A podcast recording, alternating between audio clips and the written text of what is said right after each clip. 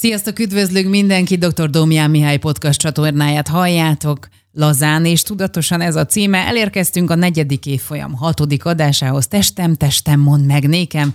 Testudatosság kettő. Szia, Misi! Szia, Ancsa! Sziasztok, drága hallgatók! Elérkeztünk a testudatossággal kapcsolatos második epizódhoz. Miről fogunk most beszélni? Az előző részben említettem egy százalékot, hogy a kommunikációnak a 15 a az, amely szavak általi, és 85% a pedig, hát annó úgy tanultuk, hogy a pszichológián körülbelül száz tantálynál, hogy nonverbális, de hogyha ezt másképpen fogalmazom, akkor 15% a kommunikáció amit szavakon keresztül fejezik ki az ember, és 85 pedig, amit a testemmel. És hogy itt van egy olyan, hogy is mondjam, egy gát, vagy egy olyan kérdés, hogy azok a pszichológusok vagy szakemberek, akik csak a szavak szintjén próbálnak segíteni, hogy tudnak-e és meddig tudnak elmenni. Azt gondolom, hogy a válasz egyértelműen, hogy igen, de hogy vannak olyan problémakörök, amelyeknél viszont a testnek a bevonása, a testtudatosság nagyon sokat tud segíteni. Ebben a második részben a terápia oldaláról szeretném a testtudatosságot megközelíteni, és hogyha ezt egy mondatban megfogalmazhatom, akkor ennek az a jelentősége is, meg jelentése is, hogy a terápia az ne csak egy belátás, ne csak egy megértés legyen, hanem egy élmény is. Tehát ez azt jelenti, hogy amikor az ember elmegy egy olyan pszichológushoz, pszichoterapeutához, akinek van olyan eszköze, módszere, amelyben szerepel a testtudatosság, vagy a testtel kapcsolatos élmény, vagy hát ezt itt most részletezni fogom, amely az én birtokomban van, vagy olyan, amit nagyon tisztelek és szeretek más kollégák, és hogy jól tudják használni, hogy ezeknél a helyzetekben, amikor ezeket az eszközöket az ember, hát így mondom, hogy használja, akkor ez az átélés van a központban, tehát hogy valamit az ember próbál, nem csak beszélünk róla, hanem átéljük. És hogy ez nagyon sokszor ez ad egy olyan új, hogy is mondjam, kiold, kiold dolgokat, és az, hogy hogyan tud kioldani, ezt fogom a mai alkalommal remélhetőleg kevesebb gyökögés, bökögéssel érthetően átadni. Most azonban először jöhetne egy, egy idézet William Pullen pszichoterapeutától, és hogy megkérdezném, hogy felolvasnád-e. Természetesen, nagyon szívesen. A test magáért beszél, jelzései egyértelműek és erőteljesek. Elmondja, hogy mit tesz boldoggá, mi szomorít el, hogyan kezeled a feszültséget, miként reagálsz arra, ha valami feldühít. Görnyed testtartásod elárulja, mekkora súly nehezedik a válladra ezen az amúgy is ködös, nyírkos hétfő reggelen. A ma lépteinek könnyedsége fakadhat egy tegnapi jó hírből. A futásod kifejezheti, hogyan mozogsz a világban, vagyis hogyan boldogulsz a hétköznapokban, a magánéleti és munkakapcsolataidban. Sietősen fogsz hozzá a feladataidhoz, de hamar elfáradsz. Következetes vagy egyenletes sebességet diktálsz magadnak, ám nem tudsz elengedni dolgokat, akkor sem, ha muszáj. Vagy csak a célszalag lebeg a szemed előtt, és elfelejted, hogy az is fontos, hogyan futsz. Köszönöm szépen, hogy milyen érdekes külső megfigyelést hoz be a pszichoterapeuta. Testünket, ha megfigyeljük, akkor abból következtethetünk az érzésünkre, és az fordítva is igaz, képessé válhatok arra, hogyha tudatosítom, hogy én most egy adott pillanatban milyen érzelem van bennem, mit érzek, akkor ezt egy testi mozdulattal ki tudom fejezni. Még mielőtt ö, rámennénk erre, ö, el szeretném mondani, tudom, hogy több podcastban elmondtam, hogy mit jelent az a szó, hogy érzelem ugyanis amikor megszoktam kérdezni egy adott helyzetben, most nem csak a megcsalásra gondolok, hanem bármilyen nagy veszteségre, vagy egy mérgező szülőkre, bárkire, hogy, hogy akár melyik oldalon álljon a, az illető, hogy, hogy mit érez, nagyon sokszor nem tudja elmondani hanem csak olyan érdekes, hogy az érzelem alatt mit értek? Szomorúság, fájdalom, tehetetlenség, kétségbeesettség, félelem, harag, düh, szégyen, tehát hogy, és természetesen az öröm is, és hogy nem, nem, amikor megkérdezem, hogy mit érez valaki, akkor nem tudja ezt így megfogalmazni, hanem azt mondja, hogy hogy én kevés vagyok, vagy hibáztam. Tehát, hogy, hogy olyan válaszokat mond, vagy hogy ő nem szeret engem, vagy ő állandóan elítél. De meg, és akkor megkérdezem, hogy de hogy ön mit él meg, mit tetszik átélni, milyen érzés van önben. És hogy akkor megint nem egy érzelmet mond, hanem egy gondolatot. Tehát a testtudatosság, az előző alkalommal is elmondtam, és az érzelmi tudatosság, ez kéz a kézben jár, és itt őrületes hiányok vannak társadalmi szinten, hogy nem tudják az emberek megfogalmazni azt, hogy ez engem dühít, ez nekem fáj, ez engem boldoggá tesz. Tehát addig, amíg valaki nem tudja az érzelmeit felismerni, Hát addig hogyan tudna azt valamilyen dramatikus játékkal például kifejezni? Úgyhogy ez a testtudatosság és az érzelmi tudatosság, ez hogy mondjam, kéz a kézben jár, és hogy első pont az, hogy képessé váljak arra, hogy meg tudjam fogalmazni, hogy egy adott helyzetben milyen érzelem van bennem. És hogyha ez megvan, utána már képessé tudok arra válni, hogy ezt egy akár egy testi mozdulattal kifejezzem. Mesélnél erről, izgalmasan hangzik. Nem minden esetben, mert ami ez a testtudatosságot, ezt nem minden alkalommal használom, és nem mindenkinél. Tehát vannak olyan személyek, akik csak hogy fejezzem ki magam a szavak szintjén foglalkozom pszichológusként, pszichoterapeuta jelöltként az illetővel, de vannak helyzetek, amikor viszont behozom sokfajta módszert, amivel én rendelkezem. Tehát azokban a helyzetekben, ahol valakinél úgy látom, hogy nem csak a szavak szintjéről van szó, hanem valamit, hogy megélni, vagy kifejezni test által, akkor azt szoktam kérni, hogy jelenítse meg szoborszerűen azt, ami benne van. Lehetősége van most arra, hogy az érzései alapján, de csak is az érzelmei mentén megszobrászkodja azt, ami a szívében van, például a haragját, vagy például szégyenét, és ilyenkor a testtartásával, konkrétan a kezeivel, a lábaival, a fejtartásával, a törzsével, vagy akár a mozgással fejezi ki az illető az adott érzését. Tehát mondjuk mondok egy példát, hogy haragot érzek az anyámmal szemben és akkor rendkívül sokoldalúan lehet ezt a helyzetet megjeleníteni, de hogy például hogy azt kérem, hogy gondoljon erre a haragra, próbálja meg ezzel a haraggal először gondolni, utána pedig átérezni, és hogy a, a szőnyegen felállva most egy testtartással fejezze ki azt, ami most benne van. Nem tudom, hogy érthető-e. Igen, abszolút. Hogy tehát adottá válik egy szobor, amely szimbolikusan, ez egy absztrakt dolog, amit csinálunk, egy érzelmet kifejez, és ezután kezdünk el ezzel a szoborral dolgozni. Mondok erre egy példát.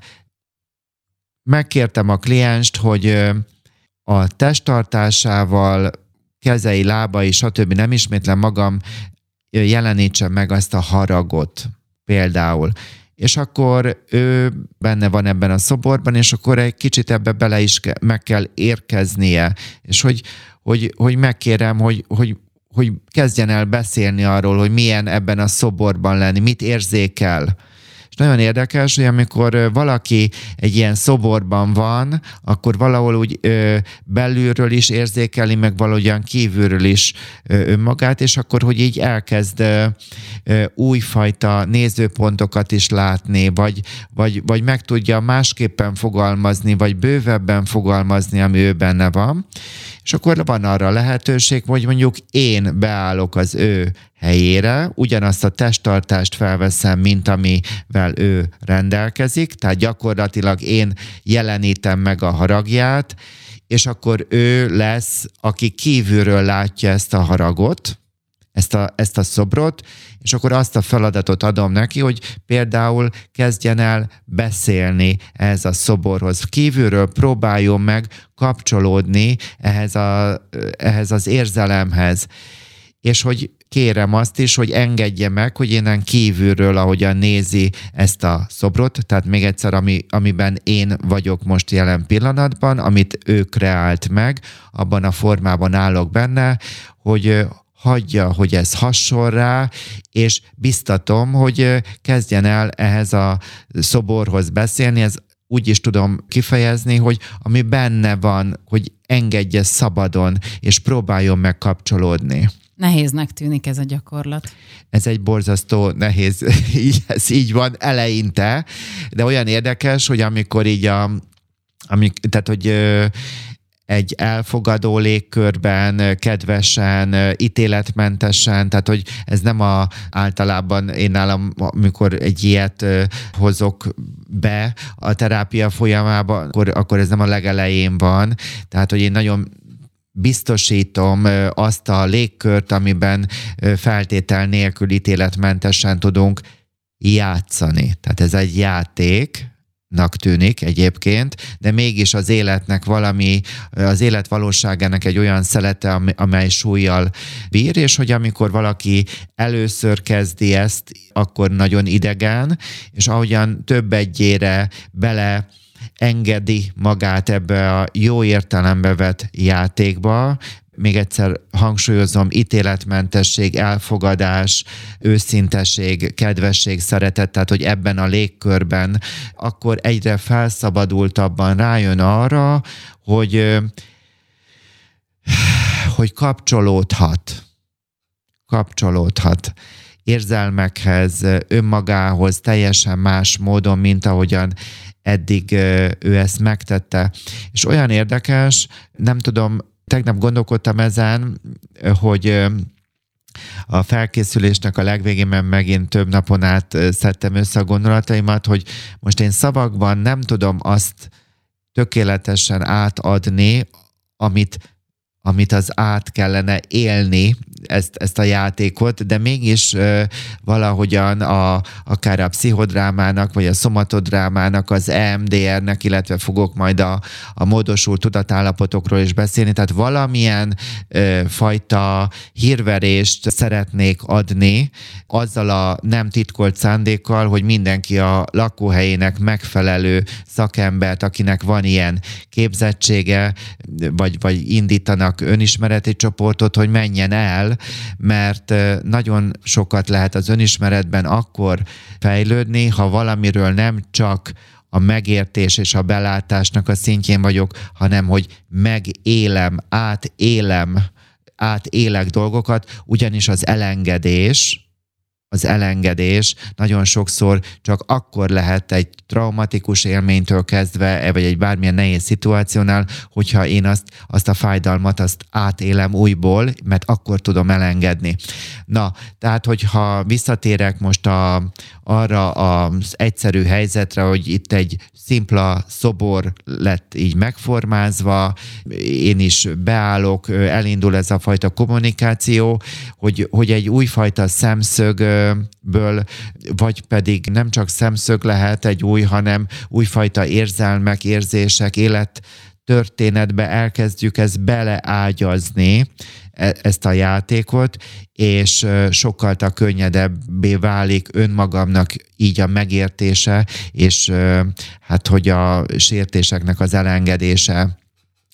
Egy konfliktusos kapcsolatnak a megjelenítésére is alkalmas nagyon sok számos ilyen, hát hogy mondjam, dramatikus játék, és lehetőség van igaz arra, hogy mondjuk, most mondok példákat, hogy egy ilyen szoborban, mondjuk csak mi ketten vagyunk, a kliens meg én, és akkor én leszek az ő akárkie és akkor, hogy képessé tud arra válni, hogy például olyan mondatokat kimondjon, ami, amire eddig nem volt képes.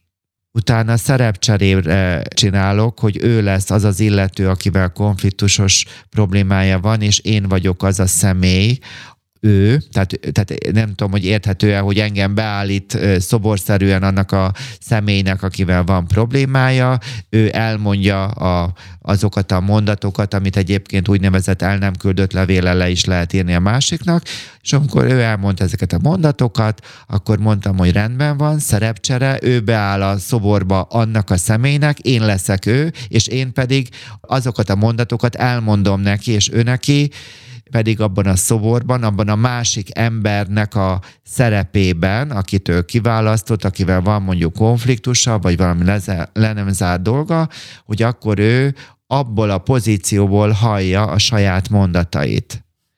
És akkor, hogy nagyon sokszor az empátia, a megértés, vagy egy új szemszögnek, a, és hogy valamit elkezd átélni, elindul valamilyen fajta kapcsolódás.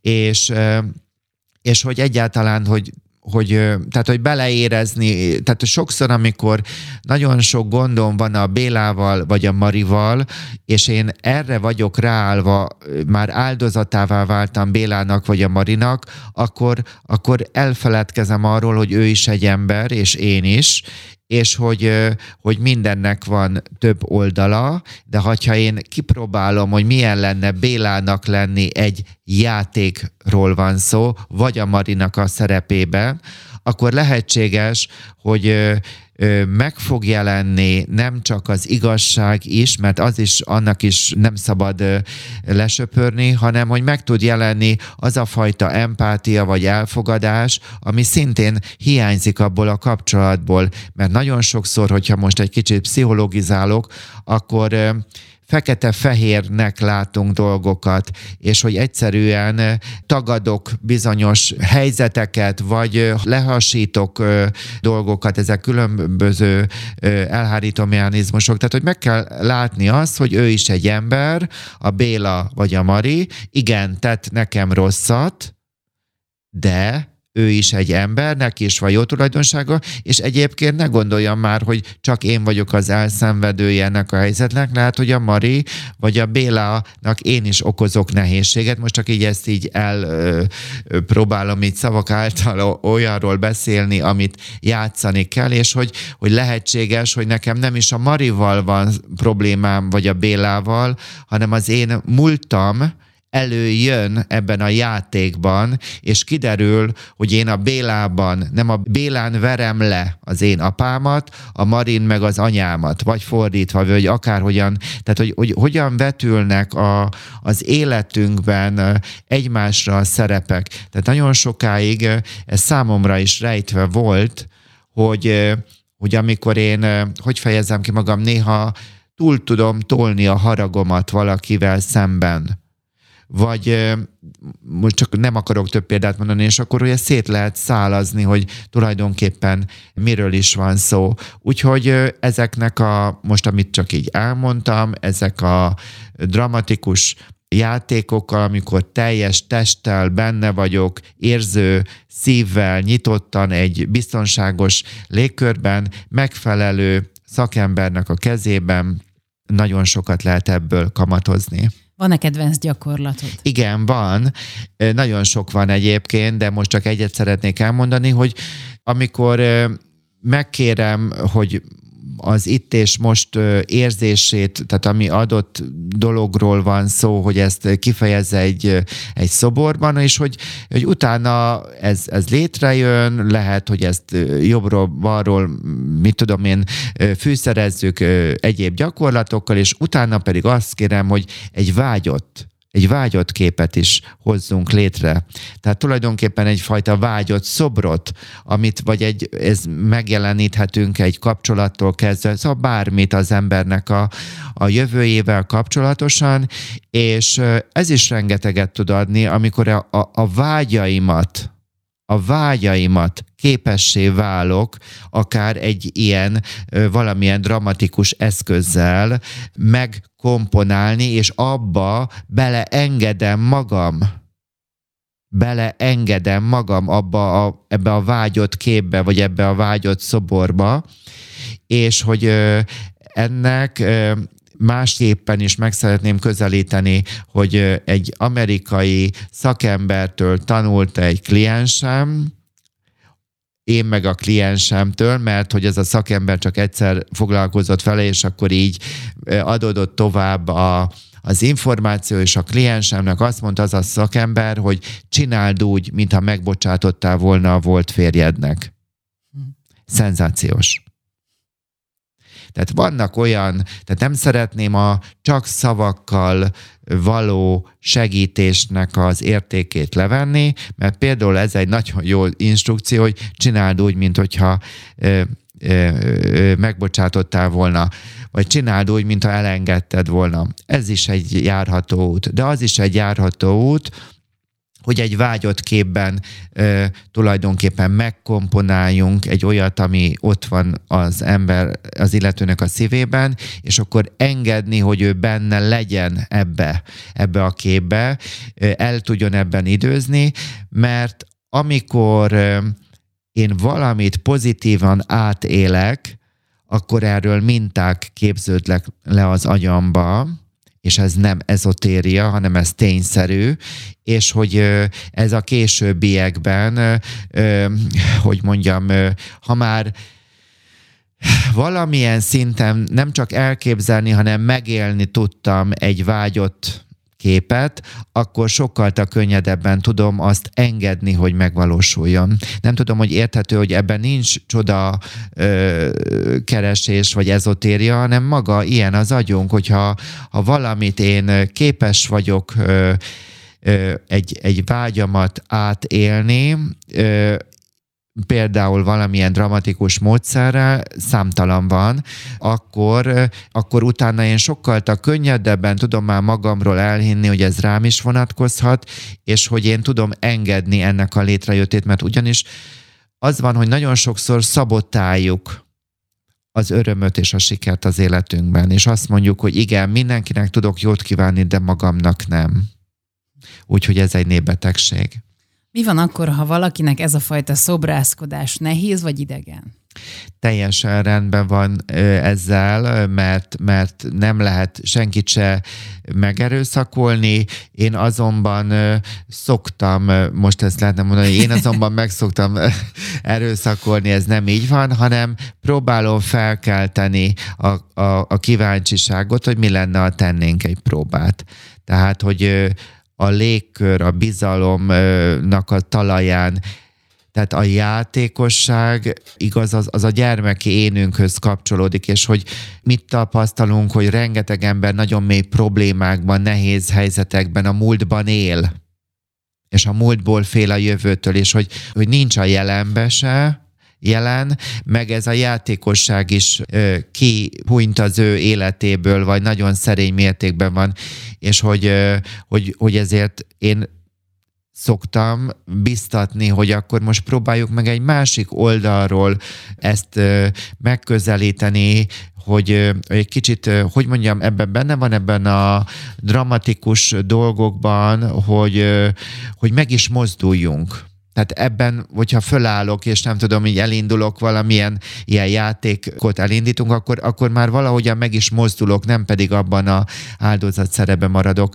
benne. De most mondok egy, egy, egy nagyon egyszerű példát. Van egy kolléganő, ő nem csinál ilyeneket, viszont van a, az asztalán egy nagy tál, és az tele van mindenfajta színű formájú kavicsal.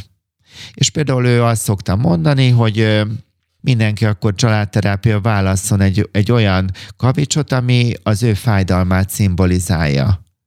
Tehát természetesen, hogy nem szeretném csak a dramatikus dolgokat ö, itt népszerűsíteni, hanem hát, hogy a szimbólum terápia, amivel én nem rendelkezem, már hogy én nem tanultam, és hogy ez a szimbólumterápia az ennél sokkal több, mint a kavicsokról lenne szó, csak ez most az egy, egy nagyon egyszerű példa, és hogy hány ember van, hogy elmegy valahova, elutazik, vagy lát egy különleges kavicsot, és hazaviszi. Én például én is csináltam ilyet, és én a, a virágoknak a, a felszínére tettem ezeket a kavicsot, tehát ilyen virágágyásoknak a tetejére tök jó mutatnak.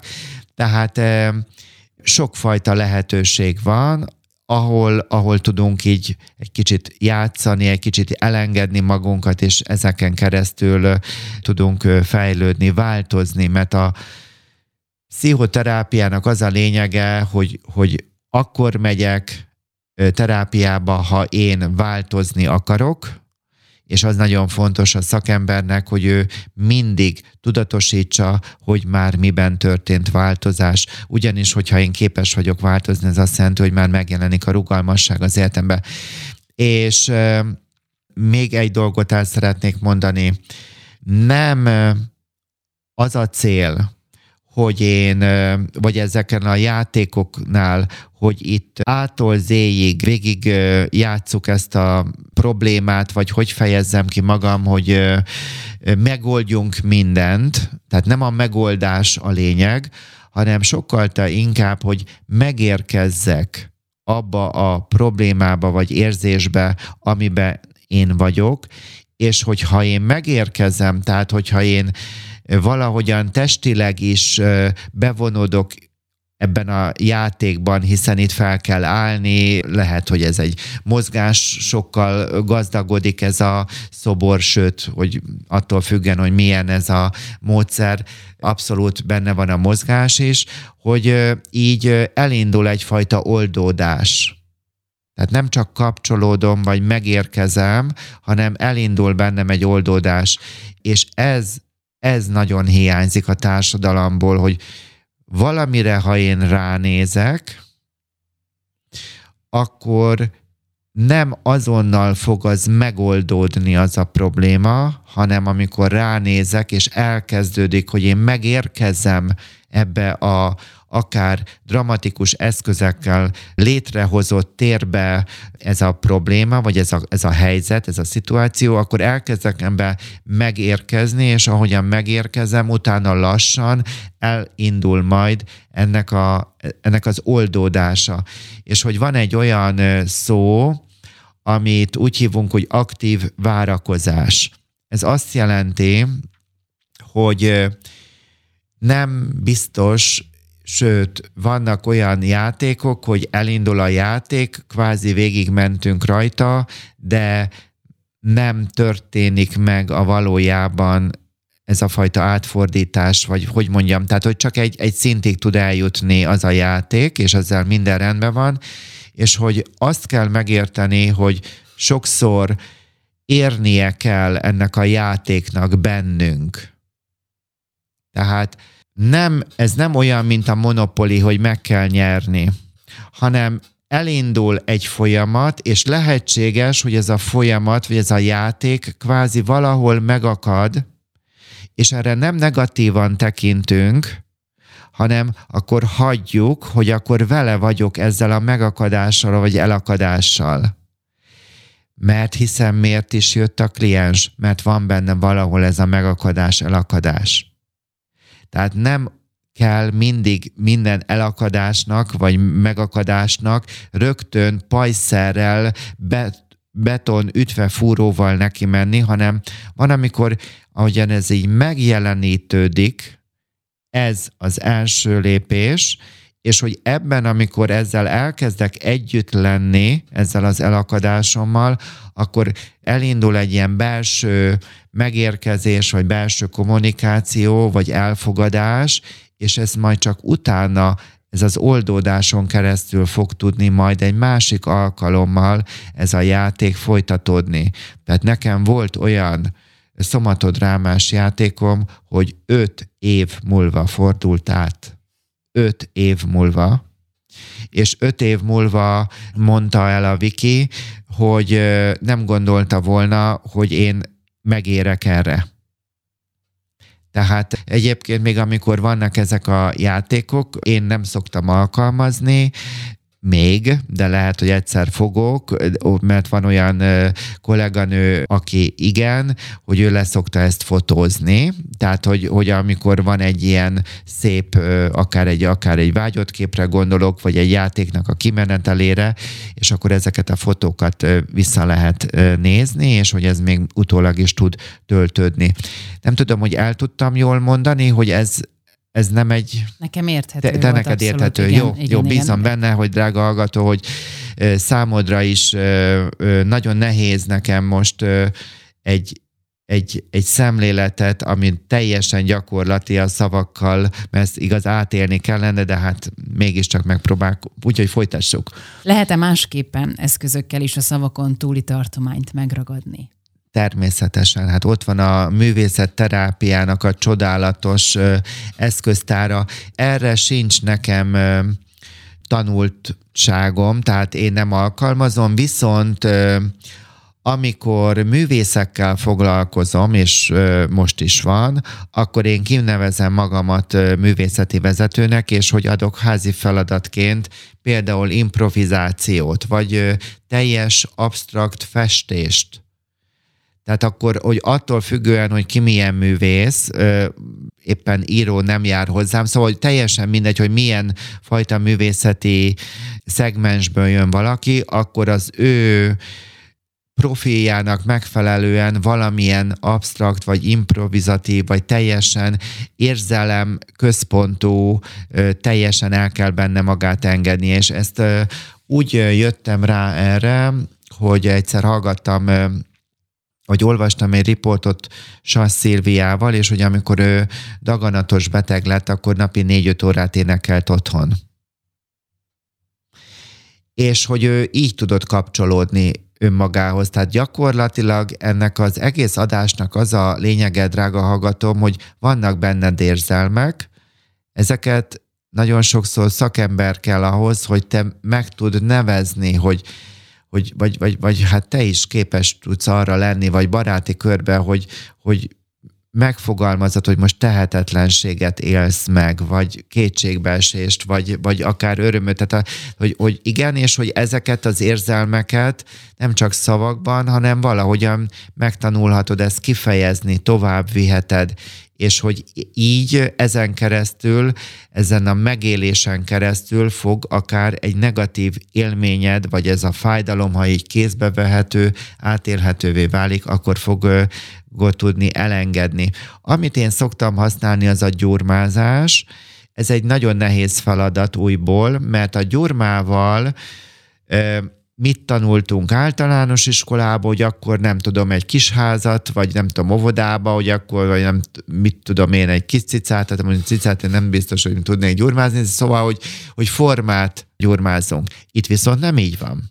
Itt viszont az van, hogy odaadom a kezébe a gyurmát, és őt elkezdi nyomogatni, vagy van, amikor úgy, hogy én előveszem a gyurmát, én így elő... Előnyomod. El, el, előnyomogatom, igen, és úgy adom oda a kliensnek a kezébe, és akkor ő is még egy kicsit így ismerkedik a gyurmával, és akkor azt kérem, hogy arra a szituációra gondoljon, ami benne van, arra az elakadásra, vagy arra az érzelemre, és ezt adja át egy érintéssel ennek a gyurmának. Úgy is mondhatnám, hogy ezt egy érintéssel nyomja bele ebbe a gyurmába az érzelmét, vagy azt a szitu, az, az, amivel ő küzd. És hogy hihetetlen átkapcsolások tudnak lenni. Tehát volt olyan hölgy, aki nem tudott teherbe esni, és őnála ezt alkalmaztam, és eszébe jutott az abortusza. Ott, ebben a gyakorlatban. És utána adtam neki egy olyan feladatot, hogy menjen el a a, ilyen, uh, ahol így faiskolában vásároljon valamilyen bokrot, ami neki tetszik, és ültesse el otthon a kertjükbe. És azt mondta, hogy ahogyan kiválasztotta a bokrot, ő ott tudta, hogy ő teherbe fog esni, és ez így is történt. Ezt csak egy esetben adott az Isten ezen keresztül választ, tehát hogy nem a többi ö, funkcionális medővel foglalkozik. Szóval ezt is szoktam menni, de hogy ez nem mindenkinél ilyen átütő, de volt a praxisomban ilyen. Egyébként ezzel a nem szavak általi önkifejezésnek a fontosságával, és ennek a gyógyító erejével először a családterápiás képzésen ismerkedtem meg, igaz ezt a családszobor, amikor megkérem a, a, a családtagokat, hogy akkor mondjuk vegyük először, hogy az apa beállítja a feleségét, mondjuk a két gyerekét, meg önmagát a szőnyegre, hogy ő az ő nézőpontjából ők hogyan kapcsolódnak akkor ez is egy nagyon érdekes. Akkor itt uh, ugyanúgy végig tudunk menni, hogy minden egyes családtag, hogy ő belülről hogyan reprezentálja, hogyan, hogyan, hogy van ő benne a család. Erről nem tudom, meséltem már, amikor egy olyan házaspárt kér tőlem segítséget, hogy mind a két gyermekük örökbefogadott volt, és megcsináltuk ezt a családszobrot, a gyerekek nagyobbak voltak, és az egyiken rengeteg gond volt. És akkor úgy eszembe jutott ez a családszobor, és, és akkor fölállította először az édesanyja ezt a családot, tehát, hogy de csak mi egy szobrot hoztunk létre, és akkor mondtam, hogy de hogy szerintem, szerintem ez, mondtam, hogy körbenéztél, biztos, hogy ti csak ennyien vagytok. És mondta, hogy igen, mi négyen vagyunk. De mondom, hát ezért nézd már körbe, hogy ti biztos, hogy csak négyen vagytok. Hogy, és mondja, hogy igen, igen. De hát mondom, hogy igen, a gyerekeket hogy, hogy, hogy jöttek?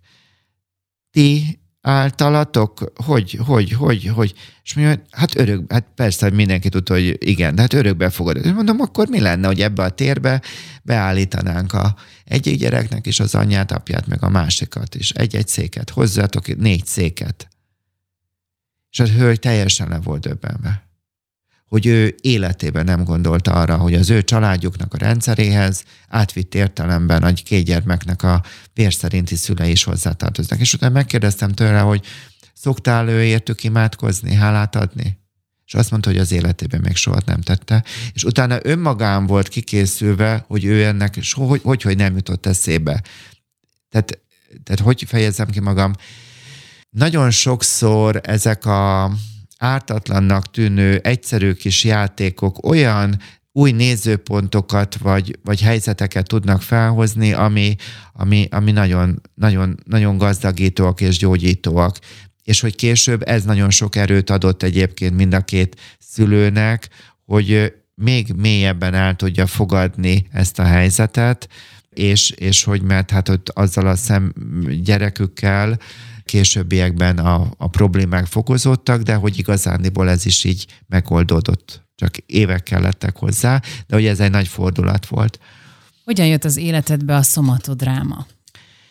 A családterápiás képzés lezárása után pár évvel egy függő fiatal kért tőlem segítséget, és hát beletört a bicskám ebbe a helyzetbe, utána megoldódott, illetve megtudtam, hogy mondjam, ez a megoldódni szó, ez nem megfelelő, de tudtam utána hatékonyan segíteni, vagy jelen lenni, de hogy volt egy ilyen, hát hogy is fejezzem ki magam. Igazándiból ő talán azért jött hozzám, hogy bebizonyítsa, hogy rajta nem lehet segíteni, tehát ezt kaptam szupervízióba, és én mégis csak tudtam őt ilyen nagyon, nagyon érdekes, egész életemre kihat ez a, ez a találkozás, hogy, hogy szupervízió segítségével azt a feladatot tudtam kapni, illetve hogy vittem tovább, hogy ilyen mikroörömöket találjak ennek a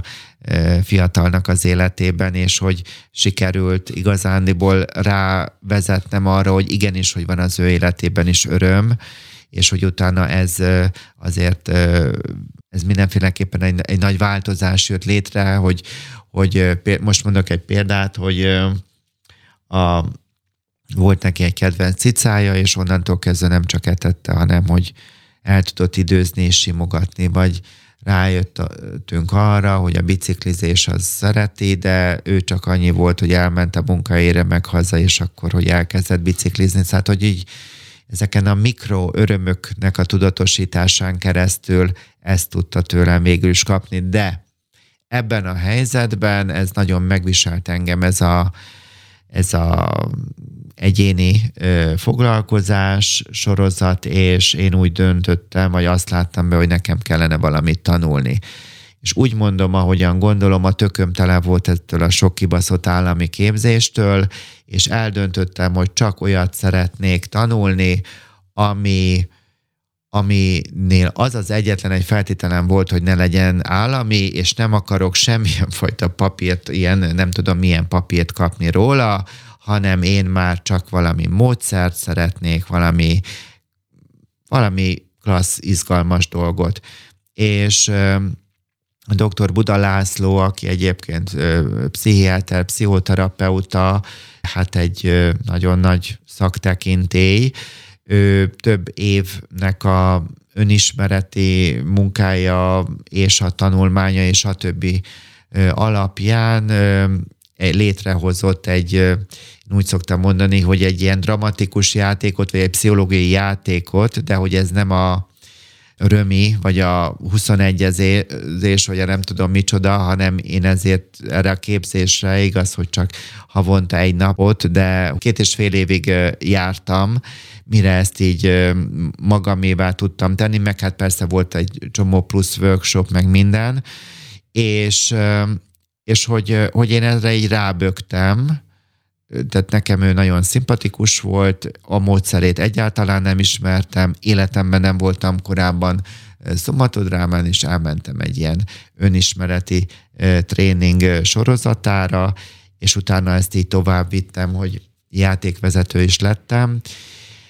Azt, hogy én itt elmondjam, hogy a szomatodráma az pontosan mit jelent, én úgy gondolom, hogy nagyon nehéz szavakkal elmondani. Ahogyan ezt a podcastot kezdtem, hogy az érzelmeinket szoborszerűen megjelenítjük, ez valóban itt is így indul, és utána különböző lépésekben ez a szobor, ez életre kell, és kibomlik egy játék. De nem tudom, és nem is akarom ezt így szavak által azt megfogalmazni, ami egyébként rendkívül izgalmas, és inkább olyan tapasztalatokat mondok, amik ilyen tanulságok, amit én ebből a két és fél évből magammal vittem, hogy a betegségre azóta úgy tekintek a betegségekre, hogy ezek azok a helyzetek, amikor a test mond helyettem nemet.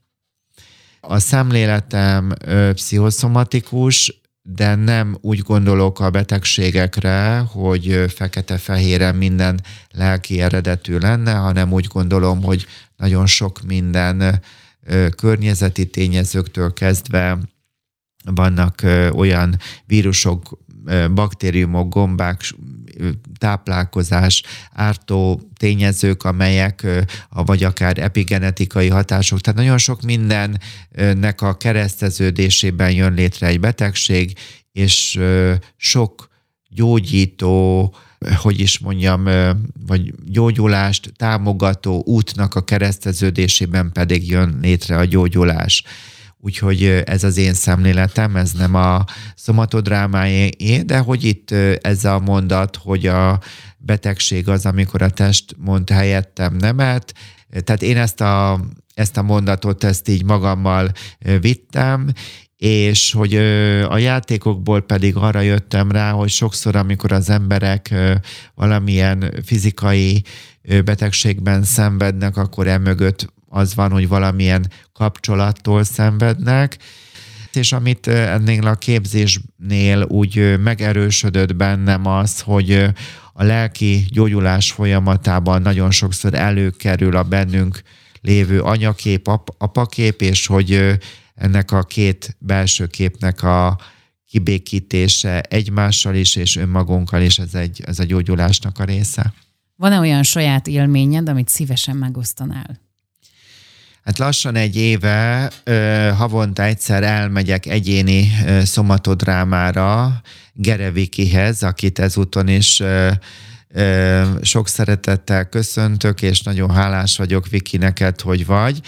És azt csináljuk, hogy mindig, ami így felmerül bennem probléma, vagy valamilyen élethelyzet, akkor én nagyon szeretek játszani, vagy ezt a szomatodrámát alapvetően csoportos forma, de hogy lehet egyénileg is megközelíteni, és, és akkor volt egy olyan játék, amikor ahogyan indultunk, és ahogyan így átfordult ez az egész dolog, tehát ától zéig végigment a játék, nem tudom ezt most részletezni, hogy ez mit jelent, de ez megtörtént, és a végén egy olyan kép, az én vágyott képembe fordult át ez a játék de ezt úgy kell érteni, hogy a, a játék ahogyan kifutott, most ezt csak a szomatodrámásoknak mondom, hogy maga a, a, a játéknak a kifutása önmagától spontán átment egy ilyen vágyott képbe. Tehát egy, egy olyanba, amit én még soha életemben azzal a személlyel nem éltem meg. Csak ott a szőnyegen ö, történt ez a ö, dolog ö, meg velem. És fél év múlva spontán nem spontán, hanem ilyen fokról fokra, de tulajdonképpen rajtam majdnem azt lehet mondani, hogy kívülálló okok nélkül, vagy hogy fejezzem ki magam, egyszer csak megtörtént egy teljesen más szintű kapcsolódás az illetővel. Fantasztikus. Nagyon hálás vagyok, tehát, hogy, hogy így átéltem valamit a játékon, és egy bő fél év múlva egyszer csak ez így megjelent az életembe és ezt már tudom fogadni, és ennek örülni. Hmm. Nagyon-nagyon klassz volt. De jó. Előző adásban már említetted az EMDR-t, mesélnél erről? Csak röviden. Dr. Francine Shapiro, amerikai pszichológus nő, séta közben szorongó gondolatokkal küzdött, és ősz volt, és a szél a leveleket jobbra-balra a földön fújta jobbra-balra.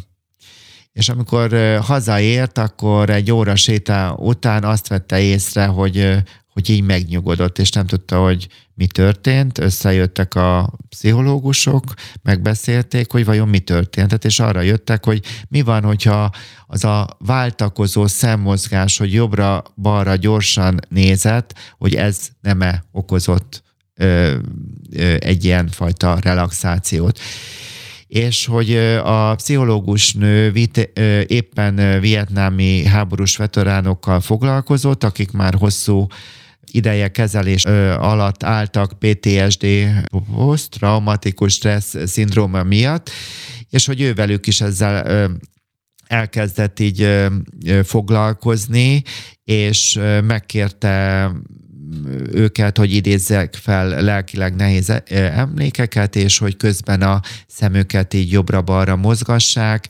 gyorsan, és, és hogy elindult egy olyan tapasztalat, hogy így könnyebb a történtekre visszagondolni. De most az EMDR 30 év leforgása alatt egy teljes értékű terápiás módszeré vált, és ennek az a különlegessége szintén, hogy a kliens nem kibeszéli a problémát, mint egy klasszikus pszichológusi beszélgetés során, hanem felidézi a traumatikus élményt képpel, érzelmekkel és testérzetekkel együtt, majd a terapeuta kétoldali, váltakozó, úgy hívjuk ezt másképpen, hogy alternáló ingereket ad.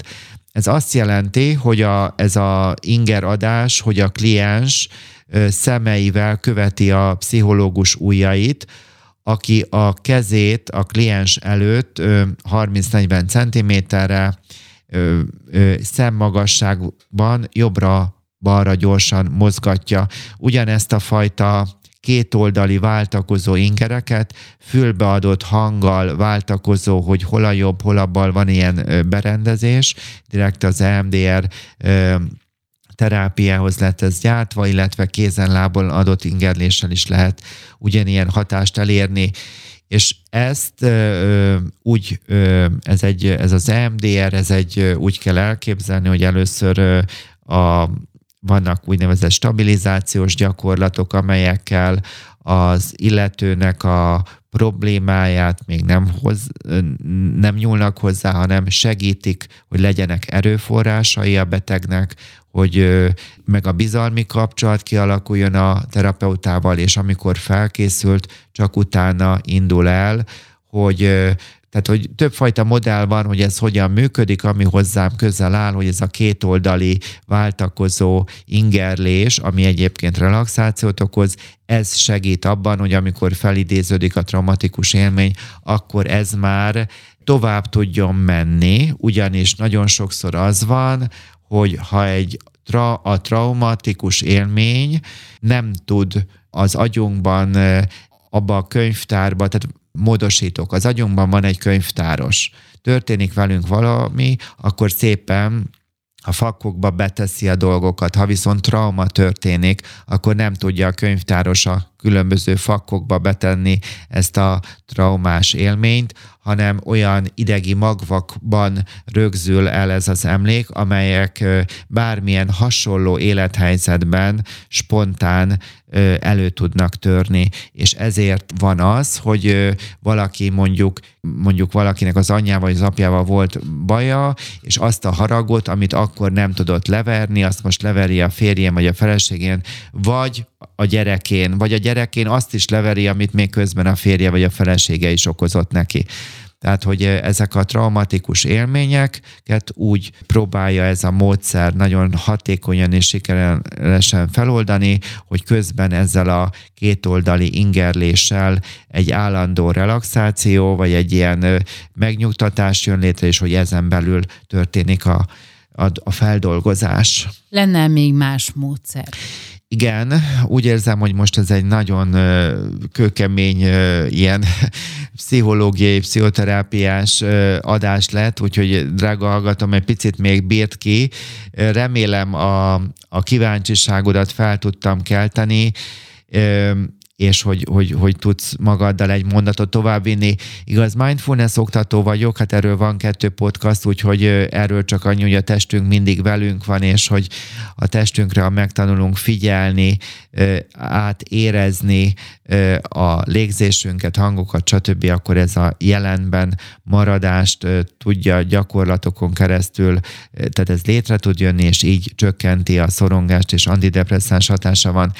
Na most, ami az én nagyon nagy kedvencem, és nekem nem módszerem, az a pszichodráma, viszont Kecskeméten Verdonné Ildivel, aki szintén velem együtt pszichológus, de hogy ő, ő pszichodráma vezető, csinálunk egy olyan önismereti csoportot, már többet ö, ö, csináltunk és fogunk is. Mindig ö, alig várom egyébként ezeket az alkalmakat. Rendkívül ilyen szeretem a pszichodrámát. Én magam is voltam ö, többfajta ilyen workshopon, tehát hogy sok mindent ö, ö, tanultam is róla, de én nem vagyok pszichodramatista, viszont maga a módszernek teljesen elkötelezett híve vagyok. Rendkívül szeretem ennek az összeszedettségét, letisztultságát, eszköztárát, fantasztikus. Tehát drága hallgatom, hogyha tudom neked ajánlani a módszereket, igaz, beszéltem a szomatodrámáról, szerintem nagyon klassz, nem véletlenül végeztem el, hogy lettem szomatodráma vezető is. Az EMDR, ez egy nagyon-nagyon magas küszöbű dolog, ide csak klinikai vagy tanácsadó szakpszichológus és olyan személy tanulhatja, akinek még van egy módszer specifikus képzettség, ami nekem a családterápia, de az EMDR rendkívül hatékony. Én magam is hosszú időszakon át önismeretbe jártam, nagyon sokat segített. Itt van a mindfulness, hát imádom, azért csinálom a kurzusokat, és hát a pszichodráma csúcs. Tehát, hogy ami ott, ahol élsz, van ezek között lehetőséged, nyugodtan ö, ö, ö, válasz, de hogy vannak olyan kollégák, akik módosult tudatállapotban ö, egyéb ö, ö, módszerrel ö, dolgoznak, ö, szimbólumterápia, hipnózis. Ezeket nem úgy kell elképzelni, a, amiket én most itt felsoroltam, hogy egy pszichológus kezében, hogy bárki bejön az utcáról, akkor én, hogy fejezem ki, rögtön ráerőszakolok egy módszert, nem így van, kialakítok egy kapcsolatot, és megnézem, hogy az én eszköztáramból mit gondolok, akár intuitívan, vagy pedig a belátásom alapján mind a kettő fontos számára, hogy a legalkalmasabb lenne. Úgyhogy biztatlak benteket, hogyha akartok, akkor olyan pszichológust keressetek, akinek van ilyen jellegű testtudatosságot is használó, vagy módosult tudatállapotot használó végzettsége. Miért gondoltad, hogy a testtudatosságról kettő epizód szülesen? Miért fontos erről beszélni? Vettem is egy mély levegőt. Ha nem érzem, hogy nem érezzük, hogy mi történik a testünkben, tehát nem vagyunk kapcsolatban a testünkkel, akkor sokkal kevésbé tudjuk magunkat megvédeni, és ö, ö, hasznos, hogyha rájövök arra, hogy nem is hasznos, hanem hogy egy csodálatos dolog, hogyha egy párbeszédbe elegyedek a testemmel, testi érzeteimmel, elfogadóan, ítéletmentesen, hogy elkezdek közeledni önmagamhoz, és, és hogy megfigyelni azt, hogy mivel tudom a testemet is táplálni, erősíteni, szeretni, és hogyha nem érzem, tehát ne, nem nyílok meg erre, akkor, akkor sokkal a könnyedebben válok akár saját magam áldozatává, sőt mások által manipulálhatóvá. Az az üzenetem, drága Mokus, hogy kezd el az érzéseidet átérezni, ugyanis ha megfigyeled, ezeket először, vagy ránézel, teret adsz neki, elkezded ítéletmentesen elfogadni, magadhoz közelengedni, átérezni, hagyni megtörténni, ezeket akkor utána tudod ezeket az érzelmeket elengedni és hát azt is el szeretném mondani, hogy vannak olyan személyek, akik annyira sok traumatikus élményben ö, szedtek össze az életük során, hogy ö, ők nem tanultak meg érezni. Tehát, hogy ezért van az, hogy nagyon sokan nem tudják megfogalmazni azt, hogy én most tehetetlenséget érzek, vagy mit tudom én, haragot, vagy, vagy szomorúságot, és hogy nekik először biztonságot, szeretetet és bizalmat kell kapniuk, ítéletmentesség mellett, hogy ők újból elkezdhessék átérezni a fájdalmukat, és hogy utána tudunk majd akár stabilizációs gyakorlatok után, hogy képessé váljanak ezekkel a fájdalmakkal dolgozni. És hogy összefoglalom, akkor az a lényege, hogy aki nem tudja az érzéseit megnevezni, majd ítélet mentesen átérezni, sőt kifejezni, az a személy sajnos a záró lépésre, az érzésének az elengedésére sem lesz képes. Összegzés? Főüzenetem, szeresd a tested, baby. Mert igaz, ez volt az első adásunknak a testtudatossággal kapcsolatosan a címe. Tehát, hogy kezdj el róla gondoskodni, mint egy kisgyermekről, és hogy nagyon nehéz ez az önismeret, ez az önismereti út, hogyha az önszereteted nincs meg. Tehát, hogy itt mindenféleképpen magadra megtanulni, figyelni, gondoskodni, táplálni a testedet, mozogsz-e. Ha nem mozogsz, akkor bocsánat, de nem szereted a tested. Nem figyelsz a táplálkozásodra, a folyadékbeviteledre, alvásra. Nem igazán szereted a testedet, és hogy biztatlak arra, hogy, hogy a vágyaidat, szükségleteidet, érzelmeidet engedd ki magadból, vagy engedd meg magadból, engedd meg azt, hogy érez, adj ennek teret, és, és hogy ez egy, hogy mondjam, érző lényé váljunk. Nekem egy francia filmből, nem tudom a címét, 20-30 éve láttam, és volt egy mondat, aki érez, az egészséges.